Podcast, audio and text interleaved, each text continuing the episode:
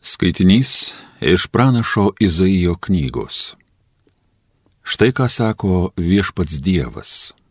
Nedaug be paliko jau laiko, kada Libanas pavirs į daržą ir daržas pataps kaip miškas. Ta diena kurtieji išgirs rašto žodžius. Juodoje tamsoje buvę aklieji pradės regėti. Romėjai nepaliaujamai džiaugsis viešpačiu, vargingiai džiūgaus dėl Izraelio šventojo Dievo Juk smurtininkas pašalintas, sukčių sudorotas, išnaikinti visi, kurie siekdavo blogio, kurie versdavo kitus neteisingai kalbėti, kurie teisėjui prie vartų paspesdavo pinklės ir be tikro pagrindo atmesdavo nekaltą. Todėl viešpats, kuris išgelbėjo Abraomą, sako Jokūbo namams. Jokūbas dabar nebebus sugėdintas, jo veidui nebeteks išbalti Kada jo vaikai pamatys, ką tarp jų nuveikė manosios rankos, tai šventą laikys mano vardą, jie šventą laikys Jokūbo šventąjį, bijosis Izraelio Dievo, susipras, kurie klydo, pasimokys, kurie niurzgė. Tai Dievo žodis.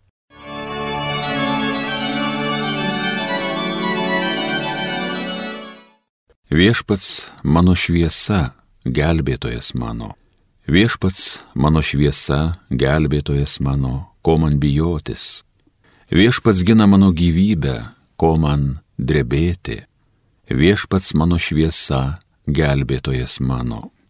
Labiausiai iš viešpaties trokštų to vieno prašau, kad viešpaties būstė gyvenčiau visas savo buvę dienas, kad patirčiau viešpaties palankumą, kad jo jo šventovę lankyčiau viešpats mano šviesa, gelbėtojas mano. Tikiuosi pamatyti viešpaties gėrį toje šalyje, kur gyvybė. Tu viešpaties lauki ir vyriškai elkis, turėk tvirtą širdį, viešpačiu remkis. Viešpats mano šviesa, gelbėtojas mano. Alleluja.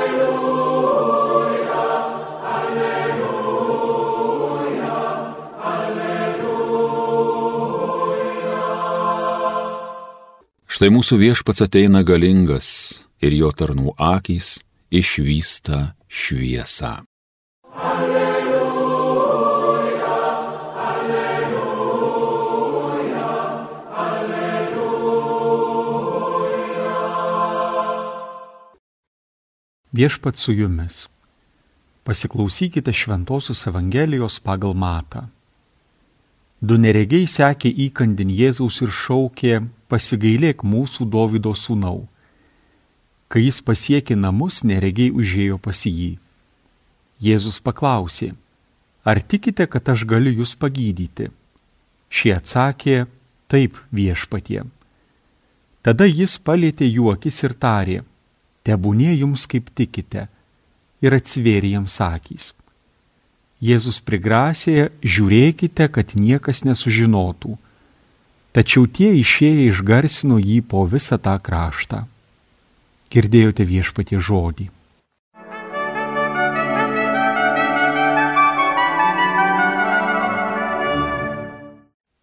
Broliai seserys baigiamas skaityti Evangelijos pagal matą devintąjį skyrių. Dar keli kiti pagydymai, taip vadinasi skyrelis, kuriame randame ir dviejų neregių pagydymą. Primenu, kad mokiniai dar nėra pašaukti. Netrukus baigus skaityti devintąjį skyrių ir pradėjus skaityti dešimtąjį, Jėzus pasišauks mokinius ir evangelistas Matas išvardins dvylikos vardus. Taigi šie du neregiai, galbūt ir jie tiktų į mokinius. Juo labiau, kad evangelistas Matas sako, jog paskui Jėzų darantį įvairių ženklų, gydančių visokius ligas bei negalės, taigi paskui jį seka ištisi pulkai žmonių iš Galilėjos, Dekapolio, Jeruzalės, Judėjos ir už Jordanys. Žinoma, tie du neregėjai nematė savo fizinėmis akimis to, ką darė Jėzus. Jie neregėjo Jėzaus išgydymų, neregėjo, kaip žmonės yra prikeliami iš numirusių, neregėjo demonų išvarymų.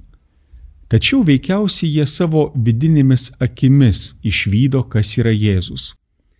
Jie veikiausiai suvokė, jog jau atėjo pažadėti laikai, kuomet aklieji praregi ir raišieji ima vaikščioti, o belaisviai yra išvaduojami. Ši viltis, ši vidinio regėjimo viltis, ji nebijo minios spaudimo. Ji nebijo to, ką pasakys kiti. Ši viltis yra it revoliucija, it perversmas, ši viltis neleidžia, kad aklasis amžiams liktų įkalintas savo bejėgiškume. Vilties, kad pagaliau atėjo žadėti į laikai įgalinti, aklieji eina ir visą kelią desperatiškai šaukėsi vienintelio, galinčio gražinti gyvenimą. Toji rauda, tas šauksmas, kuris yra ne vienkartinis, bet besitęsintis visą kelią, yra etalonas visų laikų šauksmams. Kiekvieno žmogaus, kurio gyvenimą užtrauktų migla ar apakintų nuodėmingumas, šauksmas. Nepaliauti. Eiti ir visą laiką šaukti Jėzaus pagalbos. Tas vidinis regėjimas ir suvokimas, kas yra Jėzus, tai yra tikėjimo tikslas, kuris yra nukreiptas į mokinystę. Fizinis praregėjimas nereikalauja mokinystės, bet dvasinis įpareigoja. Evangelistas Matas sako, kad aklieji fiziškai praregėjo, bet turbūt nepraregėjo dvasiškai, nenusekė paskui Jėzų keliu, mat Jėzus uždraudžia jiems ką nors skelbti, vengdamas stebukladario šlovės. Kelias, kuriuo Jėzus nori eiti, yra ne stebukladario šlovės kelias, bet jo kelias yra skelbti Dievo karalystę, net jeigu tai atves ir į kryžiaus kelią. Sekti Jėzaus keliu reiškia pirmiausia neieškoti stebuklų, bet sekti Jėzaus keliu į dangaus karalystę per kryžiaus kelią. Dažnai per kančios, širdgėlos, kryžiaus ir galų gale tuščio kapo kelią. Iki pat Jėzaus prisikėlimo toks yra mokinystės modelis, drąsinantis ir mus būti žmonėmis, kurie pirmiausia širdies akimis regi Jėzų ir nuolat maldauja jo gailestingumo drąsina mus pačius būti žmonėmis, kurie yra išgelbėti tikėjimu ir sekame Jėzų ten, kur jis beitų, nuolat šaukdami, bet pasirinkdami ne savo, bet jo kelią. Juk ir pirmieji krikščionys, jie dar nebuvo vadinami krikščionimis, jie kaip tik buvo vadinami kelio sekėjais. Ir toks titulas yra kelis kartus aptinkamas apaštalų darbuose Tai yra mokinystės apibrėžimas. Sekti keliu paskui Jėzų. Kelias, kuriuo einama ir būdas, kuriuo einama, nuolat keliaujant paskui Jėzų, su Jėzumi ir nepaliaujant jo šauktis.